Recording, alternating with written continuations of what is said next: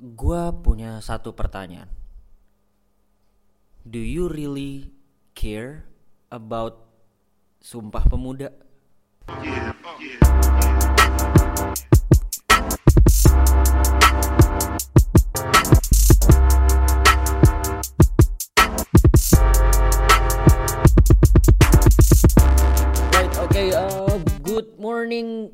everyone. Gua rekaman ini jam berapa nih? Jam 9.30 tanggal 30 Oktober 2016. Gua baru balik dari ikutan uh, mid trans run ya, event running gitulah.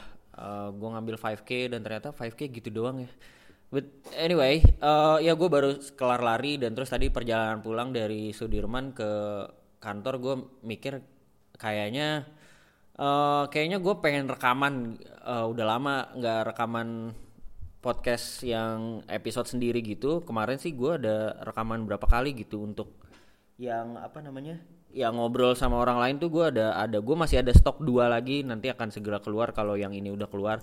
So gue kemarin kepikiran sih eh karena kan sekarang 30 Oktober nih saat gue rekaman. Dan eh, dua hari yang lalu tuh eh baru aja kita apa sih istilahnya merayakan ya atau memperingati lah memperingati hari Sumpah Pemuda. Nah, eh gue tuh kemarin sempat mikir yang kayak em, itu pertanyaan tadi yang di awal yang gue bilang, do I really care about Sumpah Pemuda? Oke, sebelum lo ngejudge gue atau bilang gue nggak nasionalis atau apa pun itu, eh ya let me let, let me tell you what I think. Um, gue bener-bener yang kayak kemarin Sumpah Pemuda oke 28 Oktober 2016 uh, which is sudah gue nggak tahu sudah berapa tahun.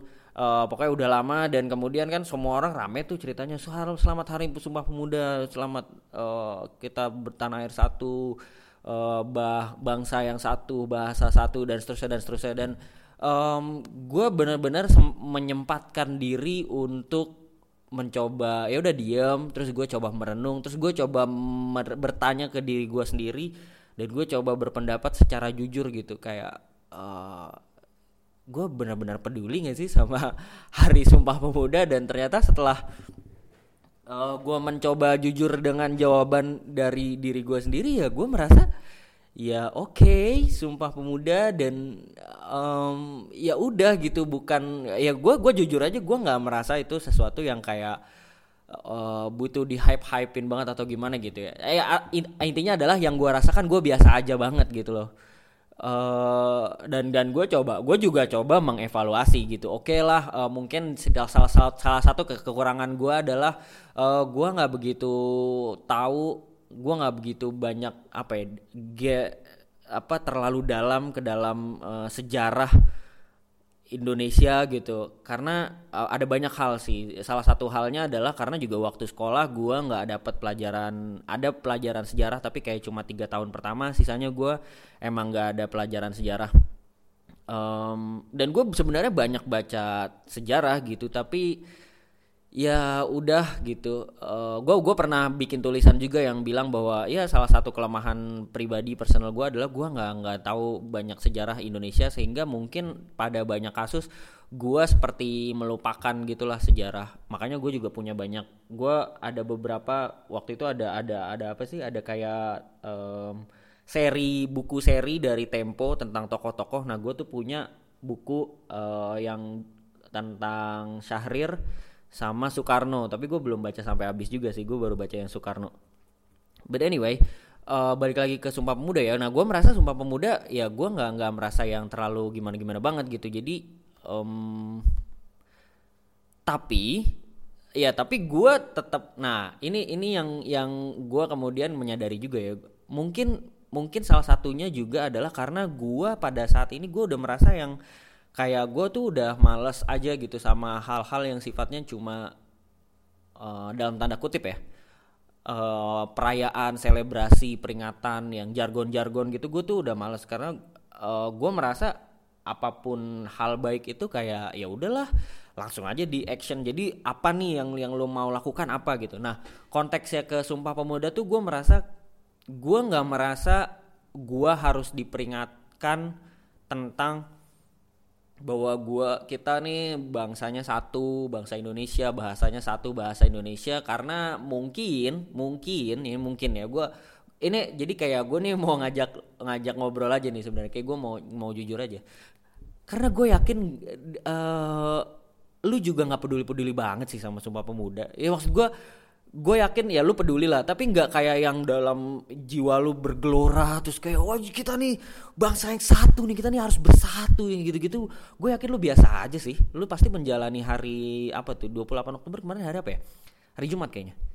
Iya hari Jumat bener. Hari Jumat tuh pas gue yakin lu biasa aja gitu nggak yang ketemu orang di jalan terus kayak wah men kita bangsa yang satu bangsa Indonesia terus lu pelukan gitu. Nggak kan biasa aja kan ya biasa aja emang gitu. Tapi maksud gue adalah spiritnya tuh gue dapet banget. Dalam artian karena selama ini pun gue menjalani apa ya gue menjalani interaksi dengan orang lain dan segala macam gue berusaha untuk menyadari bahwa oke okay lah kita nih anak-anak muda uh, kita nih satu satu bangsa gitu ya satu negara gitu. Dan dan gue mencoba mencari ya apalah apa pun yang gue kerjakan apa pun yang gue lakukan aktivitas gue gue berusaha itu semuanya adalah bagian dari kontribusi gue untuk untuk negara ini untuk bangsa ini.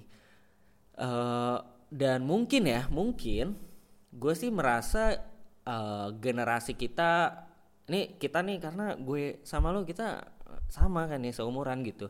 Uh, apa namanya generasi kita nih kayak udah capek aja sih sama bukan capek kayak kita males sama hal-hal yang sifatnya kayak uh, apa ya tadi yang gue bilang jargon-jargon gitu yang harus banget ada. Ini kan ya ini mungkin karena zaman dulu menurut gue sumpah pemuda tuh sangat relevan pada saat itu. Karena memang waktu itu Indonesia masih mungkin masih terpecah-pecah negaranya juga masih baru uh, dan dan dan yang namanya persatuan itu memang masih masih langka banget gitu orang-orang masih masih masih ngumpulnya berdasarkan suku, berdasarkan uh, rasnya, mungkin berdasarkan agama juga, berdasarkan golongan-golongan tertentu dan uh, diajak untuk oke okay, gabung kita nih satu satu negara, satu bangsa, satu tanah air, satu bahasa. Karena yang tadinya lu bayangin aja kayak misalnya karena gue kebayang kayak misalnya kayak Sumatera aja itu bahasanya banyak banget gitu. Uh, Jambi aja kalau nggak salah ya teman gue yang orang Jambi pernah cerita, ya di Jambi aja tuh kayak uh, di Palembang itu di dalam Palembangnya sendiri itu bahasanya ada banyak banget gitu. Jadi ketika ada sumpah yang menyatakan bahwa kita nih harus nyatu gitu, kita nih harus punya satu bahasa yang kita pegang bareng-bareng bahasa Indonesia itu sangat relevan menurut gue pada saat itu. Sehingga jargon-jargon hal-hal yang sifatnya jargon-jargon uh, pernyataan, proklamasi uh, itu memang laku dan relevan pada zaman itu. Tapi menurut gue di zaman ini tuh udah ya buat anak-anak muda kayak kita itu udah nggak laku lah kayak lu bayangin aja kayak misalnya ada acara seminar yang masih di depannya harus banget harus banget nih ada pembacaan apa sih kayak uh, kalau di mahasiswa tuh zaman dulu zaman gua ada apa namanya ya kayak sumpah aktivis gitu yang uh, tidak ada yang lebih berharga tidak yang lebih aku cinta apa Indonesia nih aku cintai lebih dari aku mencintai diriku sendiri. Yang kayak sumpah-sumpah gitu yang harus diucapin sebelum tiap mulai sebelum acara tuh itu aneh banget sih.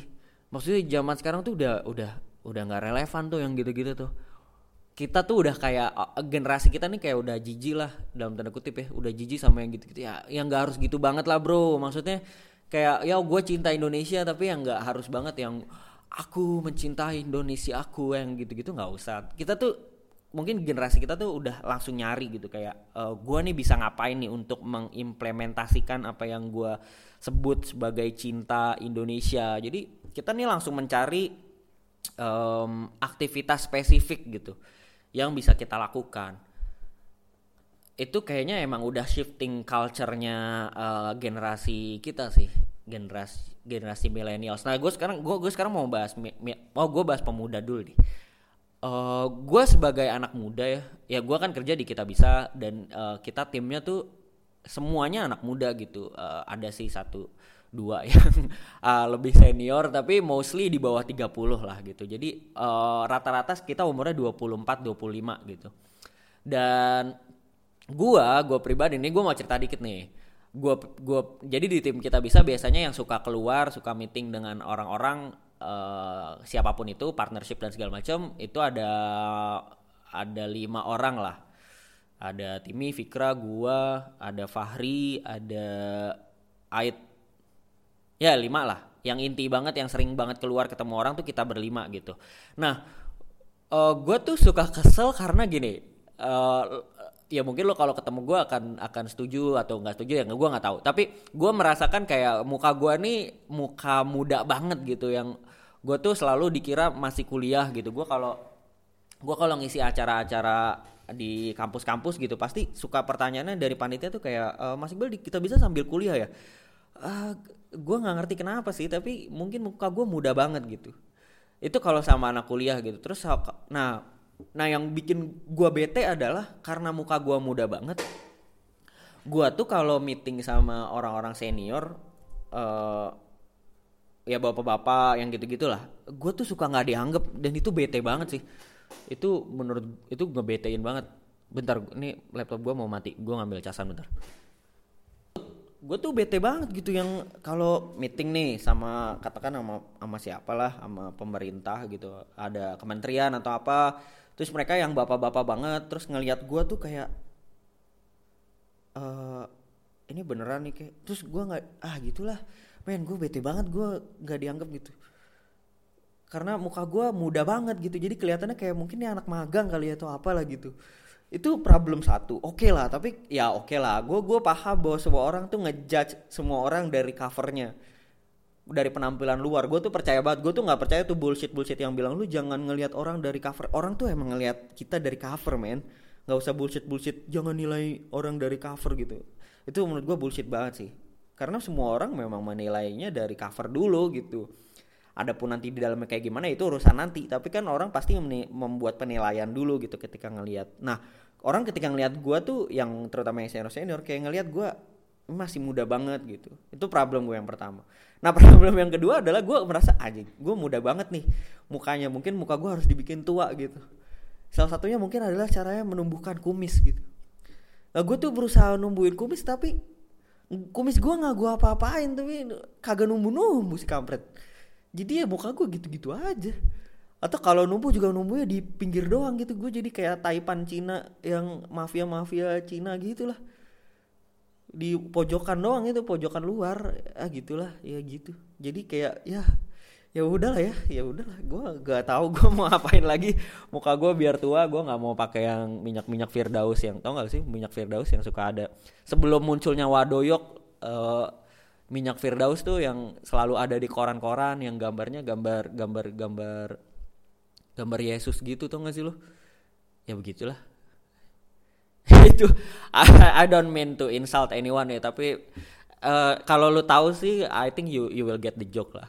Uh, apa namanya ya itu minyak firdaus itu selalu ada di koran. Gue dari dulu ngeliat di koran karena waktu zaman gue di pesantren kayak gue selalu baca koran semua halaman dan gue selalu lihat tuh yang minyak firdaus bisa menumbuhkan kumis dan jenggot dan segala macam ya tapi intinya adalah uh, ya itu salah satu perks of being uh, anak muda kali ya. Dan gue pun sebenarnya mendapatkan cerita-cerita serupa lah. Anak muda karena mudanya jadi sering dianggap memang ya mungkin pengalamannya belum banyak. Sehingga karena pengalaman belum banyak mungkin apa yang dia omongin juga sotoy-sotoy aja gitu. Jadi menurut gue sangat wajar ketika anak muda itu sering di dalam tanda kutip dilecehkan gitu sama orang-orang yang lebih senior lah gitu. Sering dianggap dipandang dengan sebelah mata. But um, I think there are uh, apa lebih banyak lagi apa ya di gue bilangnya the advantage of being young ya. Karena jadi anak muda tuh hmm, apa ya advantage banget gitu. Ya satu ya karena muda jadi kalau kita melakukan sesuatu yang cepet taktis dan segala macam ataupun karyanya bagus orang tuh lihat wah keren lo wah, masih muda udah bisa bikin ini udah bisa bikin itu uh, dan itu juga advantage. Terus uh, advantage lainnya adalah uh, ya kita energi masih banyak. Jadi kayak apa pun itu uh, ya kita tabrak aja kita kerjain aja segala macam. Itu juga advantage banget gitu. Nah gue tuh kemarin uh, apa namanya uh, ya ini agak lompat oh, agak lompat dikit ya. Gue baru ingat kemarin gue hari apa ya hari Rabu gitu kalau nggak salah. Selasa atau Rabu Selasa. Selasa gue ke O Channel. Oh, ada yang tahu O Channel nggak sih? TV gitu. Gue tanya orang gak ada yang tahu O Channel. Pokoknya gue ke O Channel terus uh, kita bisa diundang lah sebagai uh, apa sharing di salah satu acara. Nama acaranya Sahabat Inspirasi. Hostnya uh, Mas Hilbram bener gak sih? Iya Mas Hilbram Dunmar kalau nggak salah namanya. Pokoknya Mas Hilbram Dunmar uh, nama acaranya Sahabat Inspirasi terus gue diajak uh, live gitu ceritalah tentang kita bisa. Uh, dan itu live segmen satu segmen gue coba satu segmen satu segmen cuma 8 menit dan gue nggak tahu siapa yang nonton karena O channel gitu tapi ya dan live gitu jadi nggak ada rekamannya. Ada sih katanya nanti di share tapi ya jadi live gitu 8 menit di O channel. Gue nggak gue tuh bener-bener nanya kayak gue pengen nanya sama mbak produser mbak ada nggak data yang nonton berapa orang? Biar kayak gue gue soalnya gue ngabarin ke nyokap gue aja lu gue telat gitu. Kayak gue udah mau tape gue udah mau masuk ke studio terus gue baru bilang gue baru WhatsApp e, bu nanti eh bu ini sekarang mau ini jam 8 gitu di O channel nonton ya gitu. Terus kayak abis kelar nyokap gue baru bales. Ya habis nyetrika nggak nggak kena nonton.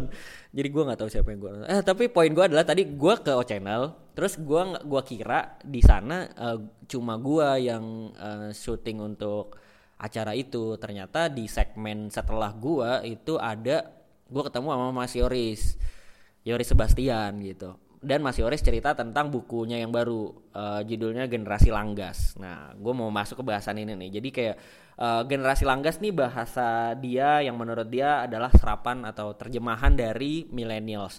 So kayak bahasan tentang millennials nih lagi lagi rame lah gitu ya karena uh, mungkin dari sisi kemarin gue ngobrol sama Alia juga Alia Nur dia kerja di HR gitu dari, dari katanya di dunia HRD pun uh, apa namanya pembahasan tentang generasi millennials ini lagi rame karena memang terjadi shifting uh, pergeseran gitulah pergeseran generasi. Jadi generasi sebelum kita ke generasi millennials yang sekarang karakternya sangat berbeda dan itu sangat berpengaruh kepada dunia kerja dunia karir dunia profesional di kita sekarang gitu.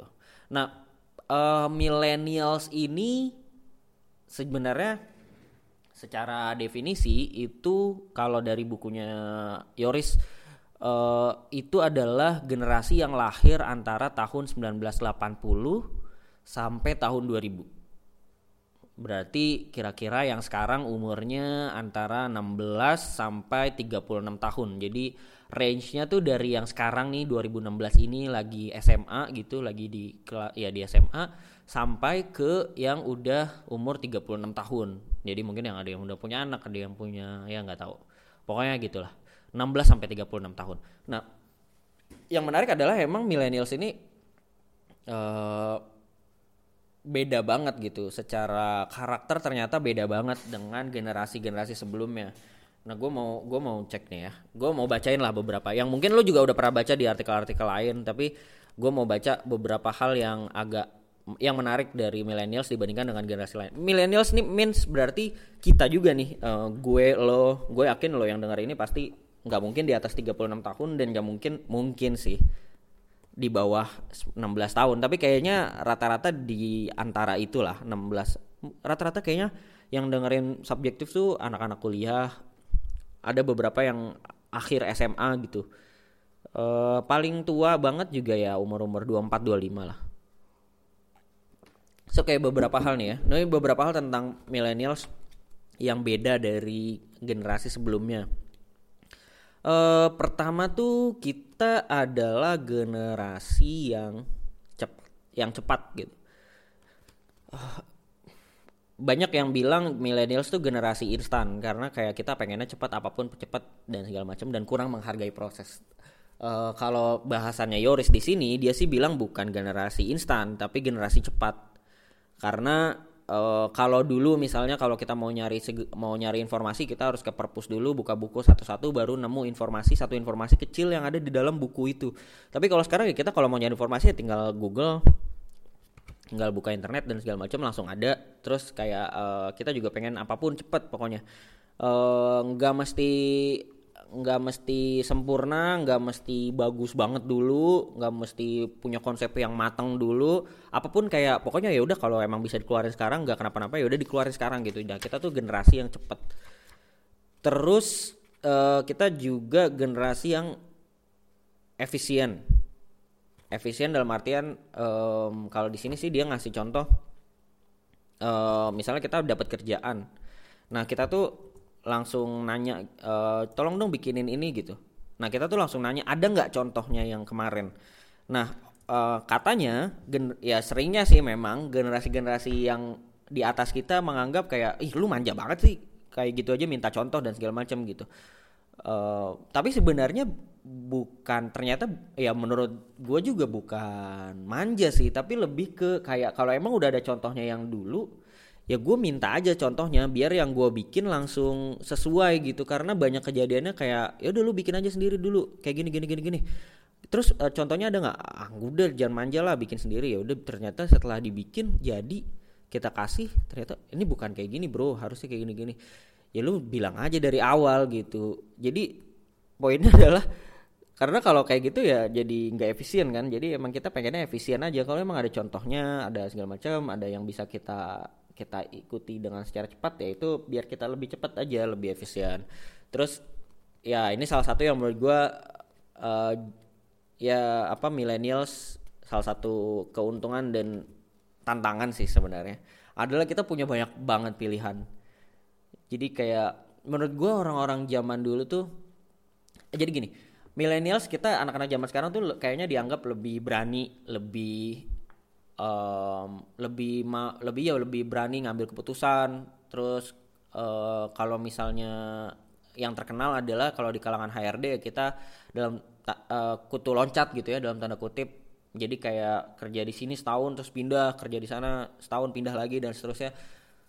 Uh, kita sering dianggap kutu loncat gitu. Tapi menurut gue eh kutu loncat dan tidak loyal uh, apa sih namanya? Ya terlalu cepat mengambil keputusan impulsif dan segala macam. Tapi menurut gue lebih karena kita punya banyak pilihan sih. Dan pilihannya ada di depan kita dan kita bisa milih. Karena menurut gue zaman dulu orang-orang zaman dulu mungkin generasi bokap kita dan seterusnya yang udah lebih senior gitu ya kayaknya pilihannya lebih sedikit gitu. Maka makanya mereka nggak ke mana-mana atau hidupnya lurus-lurus aja. Jadi kayak ya orang yang masuk kerja ke sebuah kantor terus kerja di sana loyal banget sampai 20 tahun tuh menurut gue simply karena pilihannya nggak banyak aja sih buat dia.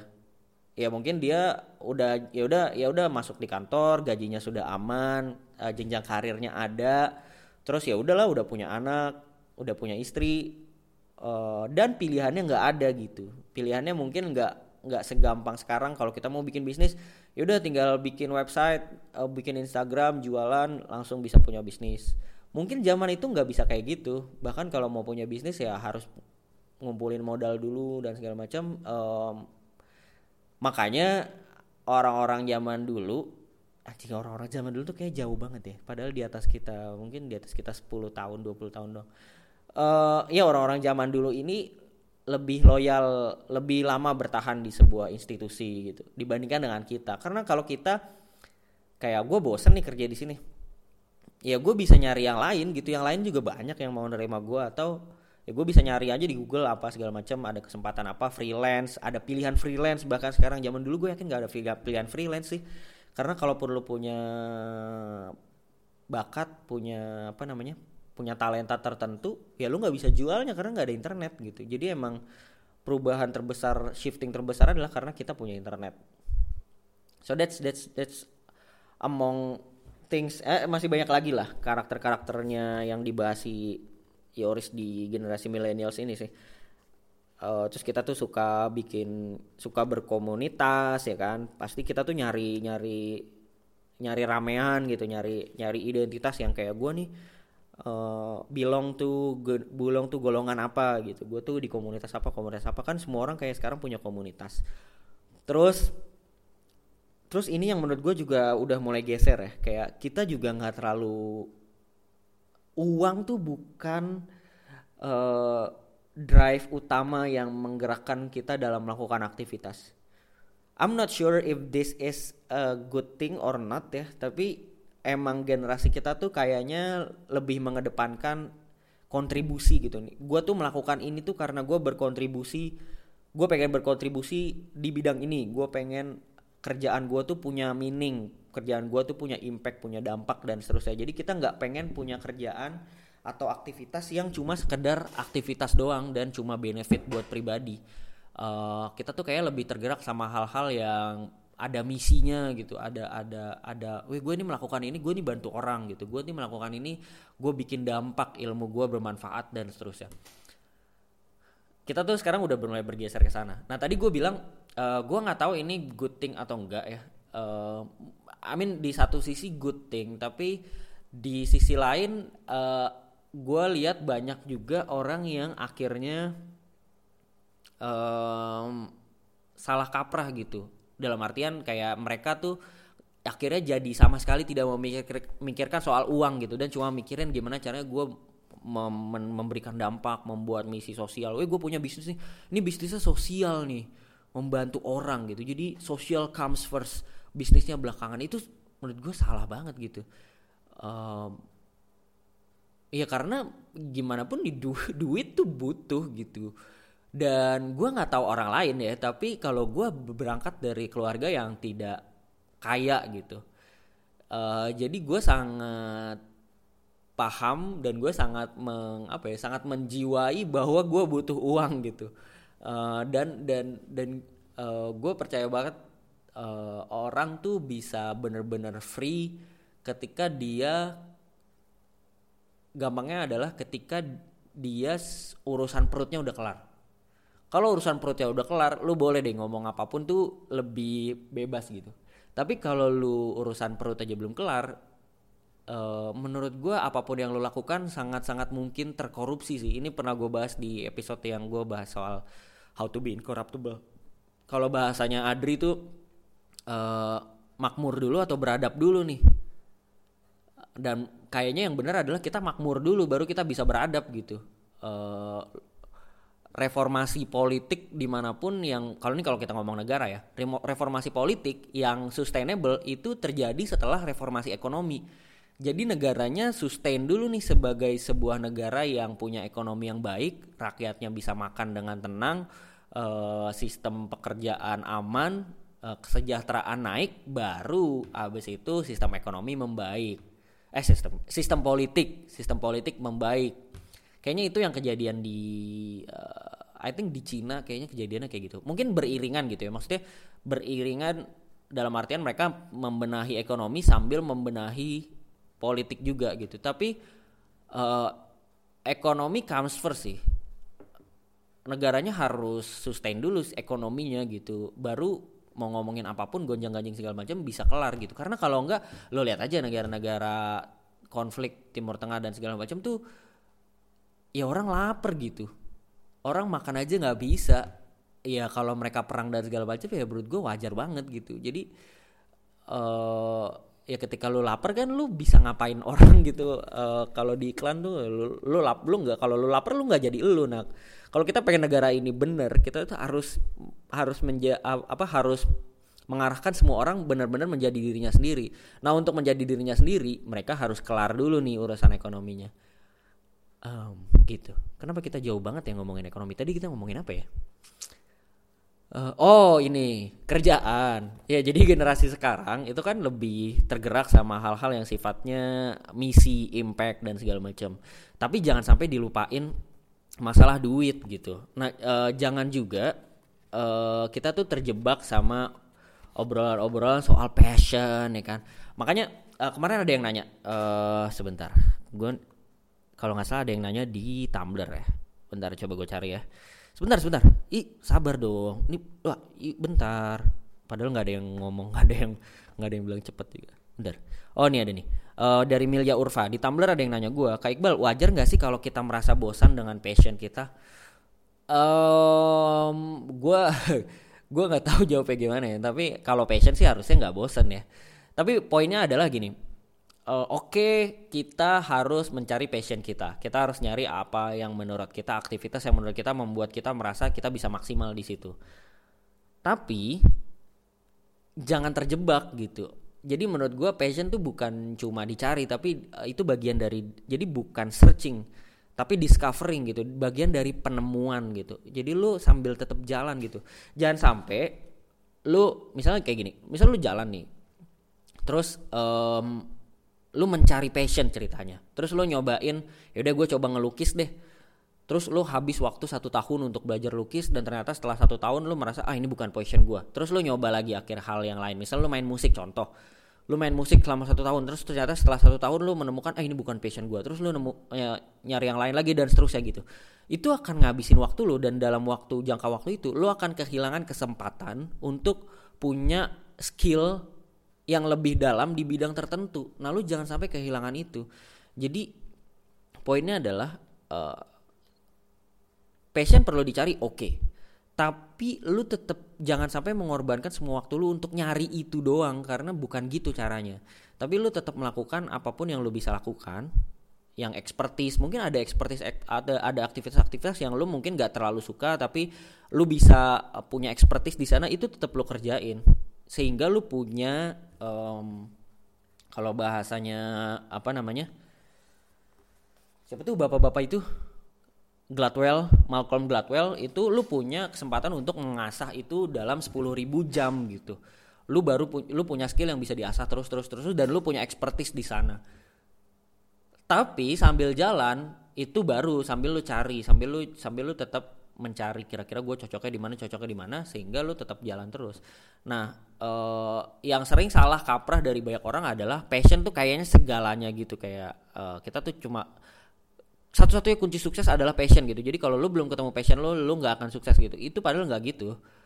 Um, dan lo akan kehilangan banyak waktu kalau caranya seperti itu. Makanya uh, kemarin gue ngobrol sama Mas Yoris terus Yoris bilang uh, ada yang dia bilang di kalau di Jepang itu namanya ikigai nah ikigai ini lebih menurut dia dan gue setuju ikigai ini lebih apa ya lebih meaningful lah dibandingkan dengan cuma passion jadi harusnya jadi ikigai ini kalau dalam bahasa Jepang artinya adalah uh, sesuatu yang sangat penting yang jadi alasan lo untuk bangun dari tidur lo. Jadi the reason uh, a reason to wake up each morning. Jadi gampangnya tujuan hidup lo lah. Jadi lo mengerti tujuan hidup lo. Nah, ikigai itu eh, istilahnya ikigai. Nah, ikigai ini sebenarnya itu adalah sesuatu yang berada dalam apa sih namanya persinggungan empat hal. Jadi lu bayangin nih ada empat lingkaran nih, kebayang ya? Ada empat lingkaran. Uh, lingkaran pertama adalah what you love. Oke, okay? lingkaran pertama adalah ap apa yang lo suka. Kemudian lingkaran kedua adalah apa yang dunia butuhkan. Yang ketiga adalah apa yang uh, lu dapat duit dari situ. What you can be paid for. Nah, yang keempat itu apa yang lu jago di situ. Jadi kalau passion kan kita cuma ngomongin tentang apa yang lu suka mostly ya kan. Nah, itu aja nggak cukup. Lu nggak bisa nyari dari situ doang gitu. Lu harus cari persinggungan antara apa yang lu suka, apa yang lu bisa, apa yang lu ngerjain itu dan apa yang bisa jadi mata pencaharian lo sama apa yang dunia butuhkan. Nah, kalau itu semua kalau lu cari lu cari aktivitas apa yang uh, beririsan dalam empat lingkaran itu, itu namanya ikigai. Nah, kita tuh nyari itu gitu, nyari sesuatu yang gue ini tetap apa tetap gue sukain dan gue bisa melakukan itu, tapi gue juga dibayar dan ternyata apa yang gue apa yang gue lakukan untuk gue dapetin duit itu juga memberikan kontribusi buat dunia ini. Nah, kita tuh harus mencari yang seperti itu. Nah, caranya seperti apa? Ya dijalanin aja. Sebenarnya mak makanya ini kayak uh, menurut gue ya hidup itu nggak ada formulanya gitu. Uh, there there are so many theories, there are so many stories that we can learn from other people's failure or success. Tapi uh, hidup ini nggak ada nggak ada formulanya gitu. Kalau ada formulanya sih. Uh, ya semua orang akan sukses gitu uh, Steve Jobs tuh nggak akan cuma satu gitu tapi kan Steve Jobs cuma satu uh, Elon Musk cuma satu Soekarno cuma satu orang-orang hebat tuh cuma satu uh, karena dan karena perjalanan yang mereka lalui pun beda-beda cara mereka belajar beda-beda mereka berasal dari uh, latar belakang keluarga yang berbeda-beda juga berasal dari latar belakang lingkungan yang beda-beda juga dan itu semua ngaruh banget gitu. Jadi uh, jangan pernah berpikir bahwa lu bisa dapetin jawaban tentang hidup lo dari orang lain karena emang nggak pernah akan ada. Uh, hidup tuh ya lo jalanin aja sih ya gue nggak gue sotoy banget sih ngomong kayak gini karena gue juga masih umur umur gue berapa gitu umur gue umur gue berapa ya? Terus gue lupa gitu umur gue umur gue 24 ya 18 November ini umur gue 24 dan ya mungkin gue sotoy banget karena hidup gue masih singkat juga dan gue nggak tahu hidup gue ke depan seperti apa. Tapi uh, dari cerita-cerita orang-orang dewasa we always have plan gitu ya. Kita selalu punya ceran, uh, rencana tapi kan rencana itu nggak selalu jalan seperti itu gitu. Hidup tuh selalu memberikan kejutan-kejutan yang kita nggak tahu apa dan dan caranya memang kita hidup aja di hari ini di momen ini. Kita jalanin we do the best thing we can. So ya begitulah. Ya kita punya rencana tapi jangan jadiin rencana itu as a god gitu yang Tuhan yang yang pasti banget. Padahal karena apa pun bisa terjadi dalam hidup. Gitu. Gue jadi inget uh, film apa namanya? Uh, eh, 500 Days of Summer. Woi, film wajib kata kata orang-orang film wajib buat mereka yang habis patah hati. Gila.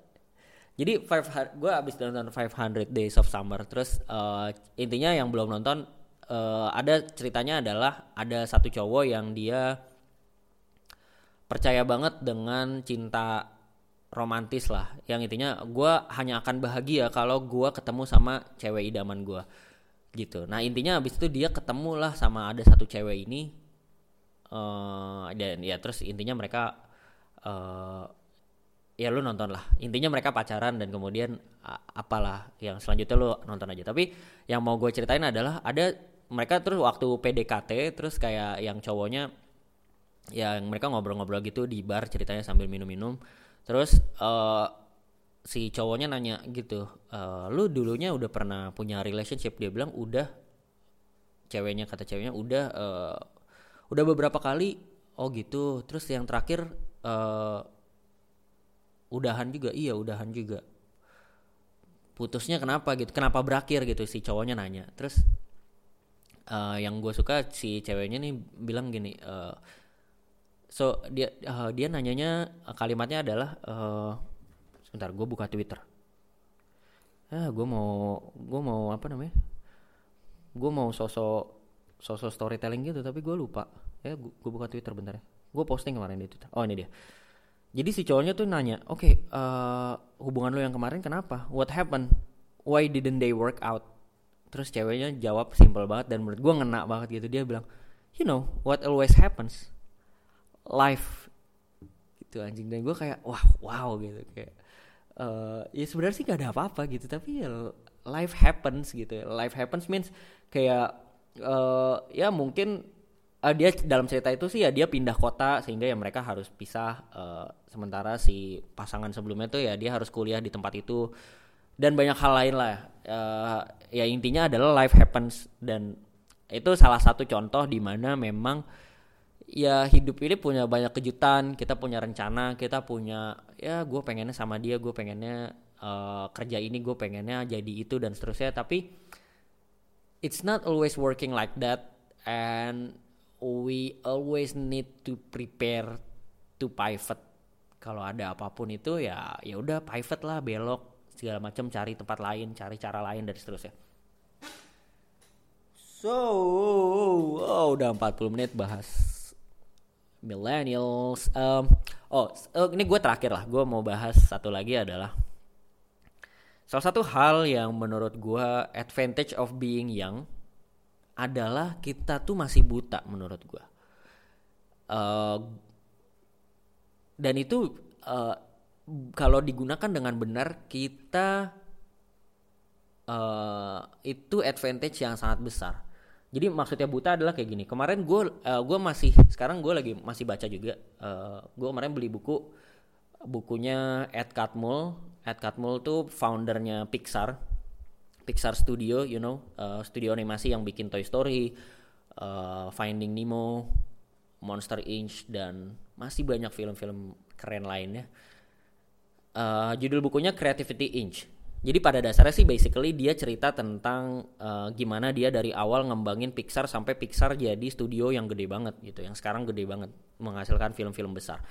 Um, nah dia cerita di salah satu histori hidupnya dia tuh pernah kerja di satu perusahaan uh, animasi dan dia kerja bareng uh, sebenarnya bukan perusahaan animasi yang awal-awal itu ya perusahaan animasi tapi di di bawah project-projectnya banyak project-project sifatnya akademis. Nah, salah satu supervisornya dia adalah dosen, seorang profesor gitu. Nah, profesornya ini bilang sama mereka, sama timnya si Ed Catmull ini. Waktu itu dia masih umur 20-an gitu katanya. Dan timnya rata-rata umurnya 20 20-an. Dan dia bilang, e, "Lu tahu nggak kenapa gue suka banget kerja sama kalian?" Jadi dia happy banget dengan kerjaan si timnya Ed Catmull ini karena semuanya masih muda. Uh, terus lu tau nggak kenapa gue suka banget kerjaan kalian? Karena kalian tuh nggak tahu apa yang salah gitu. Kalian tuh nggak tahu apa yang nggak bekerja tuh. You you guys don't know what's not working. So karena lu nggak tahu apa yang nggak bekerja lu nggak tahu apa yang salah jadi lu nyobain semuanya dan itu jadi jadi mental yang bagus banget ketika lu nggak tahu apa yang akan salah. Uh, kayak lu nggak lu nggak bener-bener aware uh, nih kalau kayak gini nih ini bisa nggak ya ini bisa nggak ya? Nggak ada. Dia tuh uh, timnya itu pada saat itu kayak mereka nggak peduli kayak gitu dan bukan sebenarnya bukan nggak peduli tapi emang belum punya kemampuan ya karena masih muda belum punya pengetahuan dan kemampuannya jadi kayak semuanya aja dicobain dan nggak apa-apa nggak ada masalah juga dicobain karena masih muda dan itu yang si profesornya bilang wow that's that's the thing that I really like from working with you guys gitu. Dan itu menurut gue salah satu advantage yang kita milikin gitu sebagai anak muda. Uh, kita nih masih muda dan pengetahuan kita tuh cere banget gitu. Kita sering nggak tahu apa pun masalah apa pun makanya kita berani tabrak sana sini. Kayak ya udah gue nyobain ini lah gue nyobain itu lah gue nyobain ini gue nyobain itu. Kayak coba aja recall dia dialog lo dengan nyokap atau bokap lo. Di mana bokap nyokap tuh pasti sering banget yang um, meragukan sesuatu gitu. Dan udah punya kayak udah punya um, apa namanya uh, ramalan gitu. Kayak lu gak usah ikut kelas gituan lah itu mah pasti buang-buang waktu doang buang-buang duit doang dan semacamnya. Kayak lu gak usah ngelakuin ini gue mau udah tahu itu mah bohong oh itu mah nipu-nipu doang dan segala macam. Jadi kayak orang tua tuh karena udah punya banyak pengetahuan udah tahu banyak hal mereka tuh tahu uh, mereka tuh kayak udah punya batasan-batasan gitu loh. Kayak ini tuh pasti kayak gini ini tuh pasti kayak gitu dan mereka udah membuat keputusan sebelum hal itu dilakukan gitu dan itu pada akhirnya membatasi orang-orang ini untuk mencoba hal-hal baru. Nah sementara kita anak-anak muda tuh kita tuh nggak tahu ya gitu-gitu tuh justru kita nggak tahu. Nah karena nggak tahu itu kita jadi ya udah lo gue nyobain aja gue nyobain aja dan selesai. Jadi kayak kita belajar tabrak sini tabrak sini kita tuh berani untuk mencoba gitu.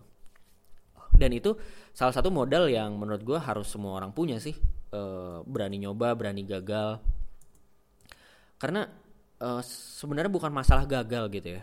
Bukan masalah ber harus berani gagal tapi um, gue percaya pembelajaran dari kegagalan itu jauh lebih banyak dari belajar dari kesuksesan. Uh, eh, gue tuh belakangan lagi sering baca cerita-cerita tentang gak kegagalan gitu ya fail stories gitu terutama soal startup lah.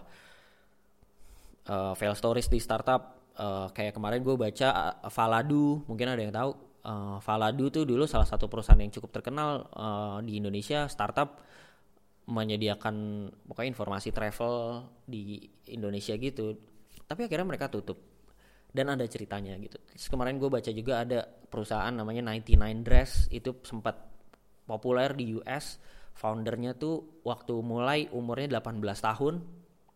Uh, orangnya anaknya aslinya Australia tapi dia pindah ke US untuk buka perusahaan itu dan dia akhirnya 19 dress setelah kalau nggak salah empat tahun gitu tiga tahun atau empat tahun gagal tutup bangkrut dan dia cerita perjalanan dia dari mulai sampai akhirnya gagal dan bangkrut. Dan menurut gue itu wow cerita gagal tuh selalu ngasih pelajaran yang lebih lebih banyak gitu.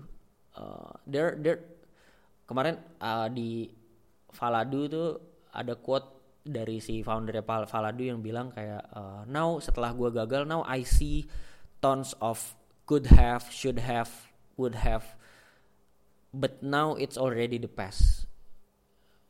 It's already it's a hard lesson gitu. Dan, dan gue yang wow gitu. Kayak habis gagal tuh emang kita pasti kayak punya banyak banget andai-andai ini harusnya kayak gini nih harus ini harusnya gue bisa melakukan ini harusnya gue kayak gini aja dan seterusnya. Tapi ya udah itu tuh emang udah masa lalu dan uh, outputnya adalah pelajaran buat lo tidak melakukan itu lagi di masa depan gitu. You do it better in the future. So uh, poin gue adalah ya kita masih muda uh, dan kayaknya kita harus lebih banyak berani melakukan hal-hal baru berani cobain hal-hal baru gitu. Karena menurut gue patetik aja sih sedih kalau kita masih muda umur kita masih panjang dalam hitungan di atas kertas ya. Uh, umat Nabi Muhammad tuh umurnya rata-rata 60 tahun. Jadi kalau sekarang umur lo 25 tahun ya berarti masih ada 40-an something berapa sih? 30-an something tahun. Dan uh, puncak karir itu 40 tahun. So kalau sekarang lu 20 katakan lu sekarang lu 25 berarti lu masih ada waktu 15 tahun ke depan sampai ke puncak karir lu tuh gimana caranya? So uh, ya kayaknya kita harus lebih banyak berani gagal berani nyoba hal baru. Karena dari gagal belajarnya lebih banyak gitu dibanding dengan sukses. It doesn't mean that we need to fail ya. Karena emang failnya sehingga kita bisa belajar dari kegagalan orang sih better. Cuma kita kan sering kali nggak berani nyoba hal baru tuh bukan karena kita nggak berani tapi kita takut gagal gitu. Nah itu tuh kayaknya harus mulai di, di dihilangkan gitu ya. Uh, jangan suka cemoohin kegagalan orang lain itu juga salah satu ekosistem yang uh, salah satu yang membentuk ekosistem yang tidak baik untuk kita nggak berani mencoba hal baru. So ya yeah, let's try new things lah belajar lebih banyak. Uh, eh, gue kemarin gue ngobrol juga sama temen gue Jojo. Uh, dia musisi juga kok juga sih? Padahal gue bukan musisi. Ya dia musisi uh, terus kita sering ya emang temen nongkrong gue juga. Terus adalah satu perjalanan di mobil terus kita ngobrol. Um, anak muda zaman sekarang nih saking banyak saking gampangnya mendapatkan informasi dan cerita dari orang kita tuh justru semakin banyak pertimbangan gitu. Um, itu benar di satu hal. Kemudian dia bilang juga soal kegagalan. Kayaknya kita tuh kalau mau gagal, kayaknya gagalnya harus banyak sekarang gitu. Karena kalaupun kita gagal, bahasanya dia tuh magnitude of failure-nya itu kecil gitu. Jadi kayak skala apa sih kayak kalau di gempa kan kalau terjadi gempa kan ada getaran tuh magnitude. Nah kalau sekarang tuh kalau kita gagal, kalau kita jatuh, uh, impact atau dampak getaran dari kegagalan itu tuh kecil karena kayak ya lu masih sendiri, lu masih jomblo, belum ada tanggungan, belum punya istri, belum punya suami, belum punya anak gitu. Kalaupun gagal ya itu gagal buat lo sendiri lah gitu. Tapi kalau nanti lu udah tua, lu udah punya anak, lu udah punya istri, lu udah punya keluarga, lu udah punya utang sana sini misalnya. Kalau lu gagal tuh magnitude-nya besar gitu dan itu bisa ngaruh banget ke hidup lo dan uh, apa namanya itulah kenapa katanya uh, rumah sakit jiwa tuh mayoritasnya diisi sama orang-orang di midlife career gitu. Jadi umur-umur 30 tahun. Karena di umur itu kayak kalau lu gagal sesuatu magnitude-nya besar dan pusing lu makin gede gitu. Yang tadinya lu cuma mikirin diri lu sendiri lu jadi mikirin orang lain juga. Lu mikirin istri juga mikirin mertua juga mikirin saudara. Wah banyak lah pokoknya. Ya intinya kayak gitulah. Jadi ya um, apa ya balik ke bahasan awal ya soal sumpah pemuda. Um, ya ini tidak untuk merayakan sumpah pemuda sih karena udah lewat juga tapi lebih ke ya mungkin jargon yang sifatnya jargon-jargon itu mungkin sudah tidak relevan untuk kita rayakan ya. Atau menurut gua menurut gua pribadi sudah tidak terlalu relevan untuk dirayakan. Tapi spiritnya obviously harus kita jaga gitu bahwa kita bangsa yang satu, tanah air yang satu, bahasa yang satu. Pada intinya adalah coba tanya ke diri lo sendiri, lo nih bisa ngapain buat Indonesia gitu. And it doesn't have to be apa ya kayak lo kalau mau bikin sesuatu yang nggak harus yang nasional banget gitu enggak men kayak lo melakukan sesuatu untuk desa lo sendiri itu juga udah sebuah kontribusi untuk Indonesia karena kontribusi yang nyata justru menurut gue dari yang grassroots banget gitu yang kecil yang kecil tapi emang di lingkungan lo dari bawah banget itu menurut gue lebih kontribusinya lebih nyata. Um, dan menurut gue sebagai kita sebagai generasi millennials yang sangat dekat dengan dunia internet dengan dunia teknolo uh, teknologi digital dan segala macam mungkin kita harus merevisi bukan merevisi sih mungkin kita harus menambahkan sumpah baru ya kan sumpah millennials anjir gue nggak tahu sih isinya apa tapi intinya adalah ya ya sama lah spiritnya. Spiritnya adalah uh, kita bersatu sebagai satu bangsa kita mikirin apa yang bisa kita kontribusikan untuk negara ini dan kita gunakan uh, teknologi digital untuk melakukan itu. Kemarin aja soalnya di Tempo eh bukan Tempo Kompas kalau nggak salah. Uh, ya di bahasan di Kompas udah mulai membahas tentang perubahan yang dibawa anak-anak muda dengan teknologi digital. Ya, dia mention ada change.org dengan petisi, ada Indo Relawan dengan relawan, dan ada kitabisa.com dengan penggalangan dana online. Ciel. Narsis. Ya, tapi uh, ada banyak banget lah uh, cara kita menggunakan uh, teknologi digital untuk bisa kontribusi langsung ke masyarakat dan ya yeah, we need to start now. It doesn't have nggak harus banget pakai teknologi digital. Uh, kalau emang gerakan lo adalah gerakan yang ada di langsung gitu, ini nggak apa-apa juga gitu. Uh, semuanya, uh, gue kemarin pernah bilang bahwa kebaikan tuh ada bukan untuk dibanding-bandingkan gitu. Jadi jangan pernah membandingkan kayak punya gue nih lebih nyata dampaknya dari punya lo, uh, punya lo mah cuma digital doang, internet doang, bla bla bla bla gitu. Itu itu menurut gue cemen sih. Kayak lu nggak pede sama gerakan kebaikan lo sendiri sampai harus banding bandingin sama orang. Toh gerakan kebaikan tuh ada bukan untuk dibanding bandingkan tapi ada untuk dikolaborasikan. Ah sedap. Oh shit. I'm so sedap at making a quote. Ya udahlah ya. Ya udahlah itulah bahasan gue soal uh, sumpah pemuda dan sumpah millennials. Kayaknya bagus judulnya sumpah millennials. Kalau lo ada uh, saran apa namanya bunyi sumpah millennials boleh juga diobrolin sih lewat Twitter atau lewat apa gitu ya.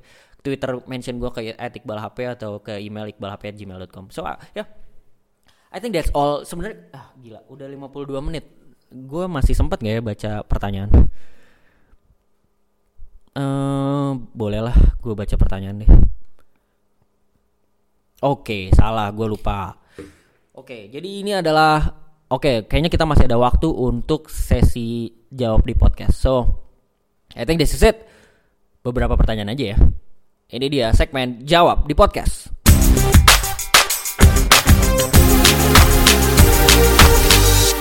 Right. Uh, Oke, okay, gue mau gue mau baca beberapa pertanyaan di Instagram dulu, yang singkat-singkat dulu ya. Uh, ini ada dari Valin dari Bogor. Ya dia baca banyak hal terus ada uh, oh nggak jadi ding. Dia bilang jangan diekspos pertanyaannya gak jadi maaf. Uh, kayaknya kita buka email deh. Kita buka email. Kalau dari Tumblr oke. Okay. dari Tumblr adalah oke. Okay. ini ada pertanyaan uh, kumpulan Keledaikos. Halo Kak Iqbal. Uh, kakak pengetahuannya banyak banget ya. Amin kalau boleh tahu, apa kakak punya target buat baca buku dalam sebulan? Terima kasih kak. Um, gue nggak punya target sih sebenarnya. Uh, dulu ada zamannya ketika gue punya target. Uh, dulu gue punya satu notes kecil di mana notes kecil itu tiap bulan gue tulisin buku apa aja yang gue baca di bulan itu gitu dan satu bulan tuh bisa 10 buku gitu. Tapi sekarang sih gue nggak punya target, tapi uh, guanya sendiri gatel gitu kalau uh, gua nggak punya buku yang lagi gua baca gitu. Jadi rata-rata sih um, gue baca dalam sebulan satu dua buku sih sekarang. Uh, tapi gue selalu bawa buku gitu. Jadi tas gue tuh dalam tas gue tuh selalu ada buku yang selalu ada tuh pasti ada buku bacaan satu terus buku notes gue pasti ada satu buku notes yang besar sama buku notes yang kecil uh, ya dan menurut gue sih semua orang kayaknya harus punya kebiasaan baca sih uh, kalau ribet ya sekarang ada Google Playbooks atau ada ebook ebook ebook uh, aplikasi ebook yang lain lu bisa pakai itu gue juga sekarang udah mulai lebih rajin baca di uh, Google Playbook sih lebih enak aja terus um, Ada lagi, oke. Okay. Assalamualaikum bang, gue Pro dari Bogor. Gue lumayan ngikutin podcast subjektif dan bahasannya cukup menarik. Gue mau nanya nih, mungkin keminta saran sih lebih tepatnya. Mungkin kepala gue juga cukup berisik sama apa yang terjadi di sekitar. Beberapa rekaman obrolan diskusi dan ocehan gue sendiri juga ada, cuma belum berani upload. Lo pertama keluarin podcast banyak pertimbangan gak? Atau ya udah upload aja. Sama teman-teman nongkrong, lu sering dibilang gila nggak? gue sering mengalami ini nih dibilang radikal liberal out of the box karena cara berpikir gue sering beda uh, oke okay. oh halo uh, waalaikumsalam halo sastro oke okay, jadi jawab pertanyaannya ya um, lu pertama kali keluarin podcast banyak pertimbangan nggak? Eh uh, kayaknya enggak deh kayaknya. Kalau yang pertama banget, ya lu dengerin aja episode pertama gue yang episode 0 tuh uh, ngomong yang gak jelas, meracau. Sampai sekarang sih kayaknya masih gak jelas ya, tapi better lah uh, ya karena gue juga males kelamaan pertimbangan lah lama nih timbang-timbang segala macam ya udahlah gue upload aja bahkan ya uh, lagu yang sekarang lagu-lagu pembuka podcast gue ini yang sampai sekarang ini itu tuh karena dipilih bukan karena gue suka tapi karena gue tuh nyari di website free apa namanya uh, free license gitu kan nyari lagu free license. Karena gue nggak mau bajak lagu orang uh, gue nyari website free license. Terus gue nyobain satu-satu ada ratusan lagu gitu. Puluhan kayaknya gue nyobain puluhan. Sampai gue anjing gue capek lah kalau nyari-nyari. Kayak udah udah 40 menit gitu gue nyari lagu doang belum nemu yang pas. Terus gue kayak ya udahlah tiga lagu lagi gue coba kalau ada yang kalau ada yang paling enak udah gue pilih yang itu. Ya akhirnya kepilih lagu ini gitu. Jadi uh, intinya sih kalau mau mulai mah jangan kebanyakan pertimbangan men. Lu belum tentu ada yang dengerin juga gitu kalau di awal-awal gitu. Uh, pada intinya adalah kalau karya tuh yang penting keluarin dulu dan fokusnya tuh bukan karya lo langsung bagus tapi gimana caranya bertumbuh dari satu karya ke karya yang lain. Terus uh, pertanyaan berikutnya, lu sering dibilang orang gi orang gila nggak? Dibilang gila nggak? Eh uh, lumayan sering kayaknya. Sebenarnya ya dibilang gila, dibilang alay.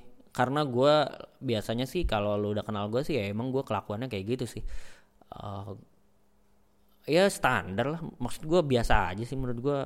Kalau emang ya maksudnya nggak masalah gitu dibilang uh, gila dibilang radikal liberal ya apa pun itulah. Yang penting lu jalanin agama apa pun kepercayaan lu sesuai dengan apa yang lo yakinin.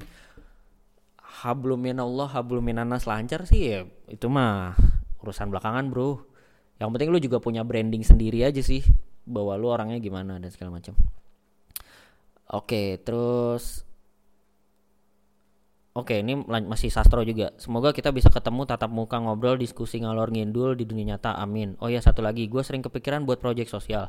Beberapa ada yang jalan cuma setengah, beberapa ada yang cuma wacana. Hal apa yang pertama gue lakuin kalau punya ide? Yang pertama lo lakukan adalah lo cari teman. Kalau nggak ada teman ya udah nggak apa-apa, langsung jalan aja, langsung action. Nanti abis action lo baru evaluasi lagi. Oh ternyata ini tuh harusnya gini, oh ternyata ini harus gitu dan seterusnya. Jadi sebenarnya project sosial, project apa pun itu uh, ya jalanin aja. Terus kalau mau dibahas di podcast jangan sebut nama. Ya bro. Gue udah sebut nama gimana dong? Ya udah nggak apa-apa lah ya. Gimana? Nggak apa-apa lah ya. Ya udahlah men sorry nih tapi ya oke okay lah. Ya nggak apa-apa lah ya gue minta maaf. Nanti gue email deh.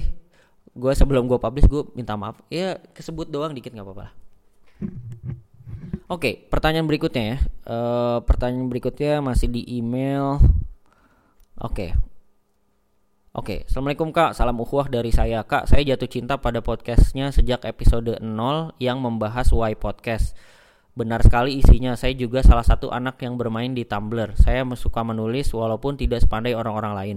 Yang saya bahas ya cinta-cinta dan cinta. Oh, cinta-cinta dan cinta memang selalu menarik untuk dibahas setelah saya mendengarkan podcast Kak Iqbal ini, saya rasanya seperti termotivasi untuk bangkit, untuk berkarya, dan untuk lebih membahas tentang lingkungan, tentang masa yang kita hadapin. Nice.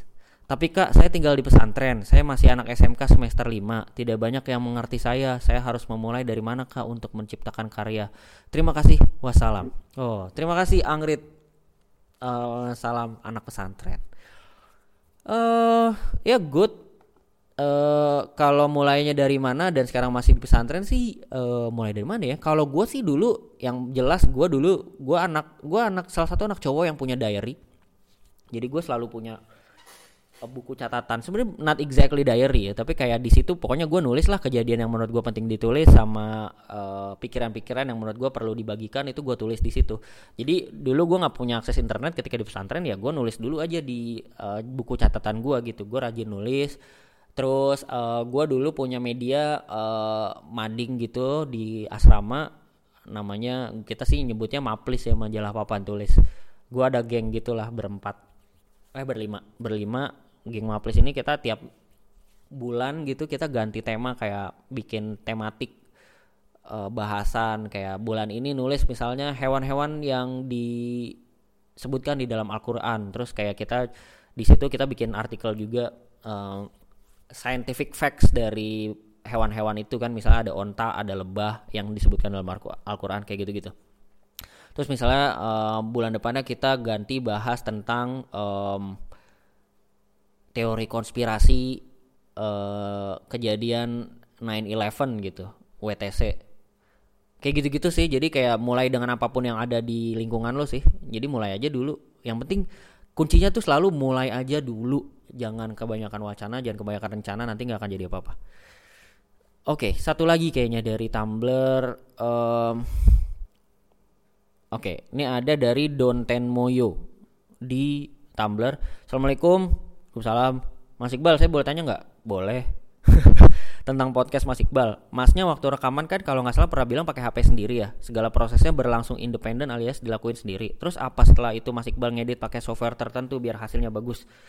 Semoga berkenan membalas pesan ini. Terima kasih waktunya. Semoga hari ini barokah. Amin.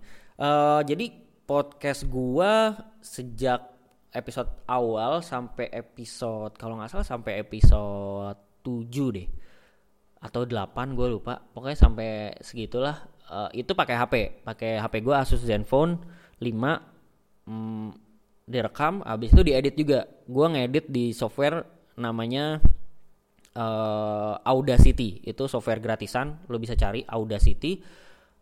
Uh, gue nggak edit apa apa sih. Jadi gue ngeditnya cuma ngekat cut doang. Karena pas rekaman biasanya kadang-kadang gue misalnya ngambil minum nih atau ngambil laptop dan segala macam. Nah itu kan nanti ada waktu kosong gitu kan gue nggak ngomong. Nah itu gue potong. Gue cuma motong-motong gitu doang sama nambahin lagu.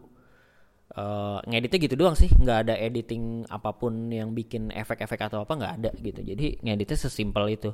Nah kalau mulai episode 8 kalau nggak salah atau 9 gue tuh udah mulai pakai alat. Gue beli alat baru gitu rekaman. Uh, nama alatnya Tascam.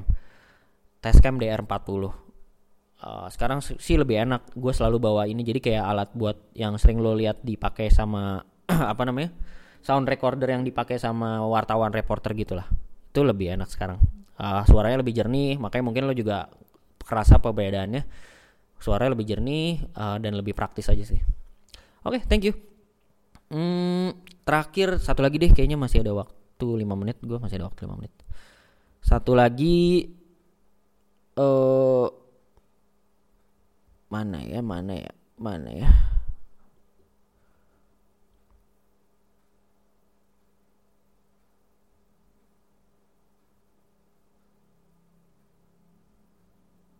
Ba ba ba ba ba ba ra, ra. oh shit. Oh enggak enggak apa-apa.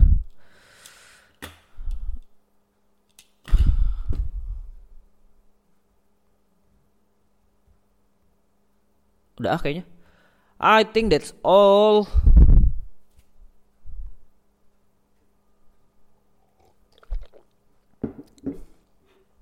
Ya udahlah, yang tadi pertanyaan terakhir uh, buat episode ini. So, um, thank you guys udah dengerin sampai akhir di episode ini. Gue bahas sumpah pemuda, sumpah uh, karakter milenial, sumpah millennials, oh whatever it is. Uh, uh, mudah-mudahan bermanfaat buat lo semua Uh, dan kalau lu ada komentar, uh, pertanyaan atau apa pun itu, lu bisa colek gue via email ke iqbalhp@gmail.com. Gue akan coba, gue akan usahakan balas secepat-cepatnya.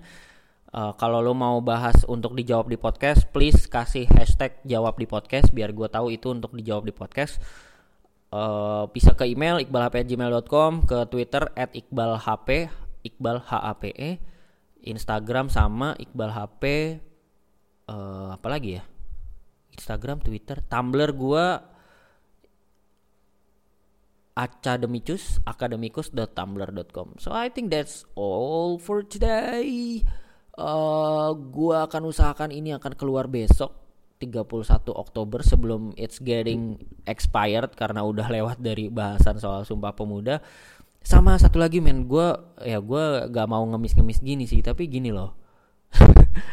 ini kan gue berkarya ya kan. Nah kalau lu dengerin, lu suka, please lah kasih like, uh, komen, uh, sama nge-tweet lah, uh, tweet atau share di Facebook atau share di mana pun lah. Uh, intinya di share gitu uh, satu tweet juga nggak apa-apa gitu it's really help me uh, spreading the words tentang podcast ini dan gue gua tuh merasa dihargai gitu dengan karya gue gue ya gue mah jujur orangnya gue tuh pengen gitu karena kan gue bikin ini dengan effort dan kalau emang bermanfaat gue pengen denger itu gitu dan itu yang akan jadi bensin gue untuk berkarya lagi dan lagi so um, ya mudah-mudahan sih ada yang mau nge-tweet nge-tweet gitu ya. Uh, I think that's all. Thank you. Uh, udah dan jangan lupa please be subjective.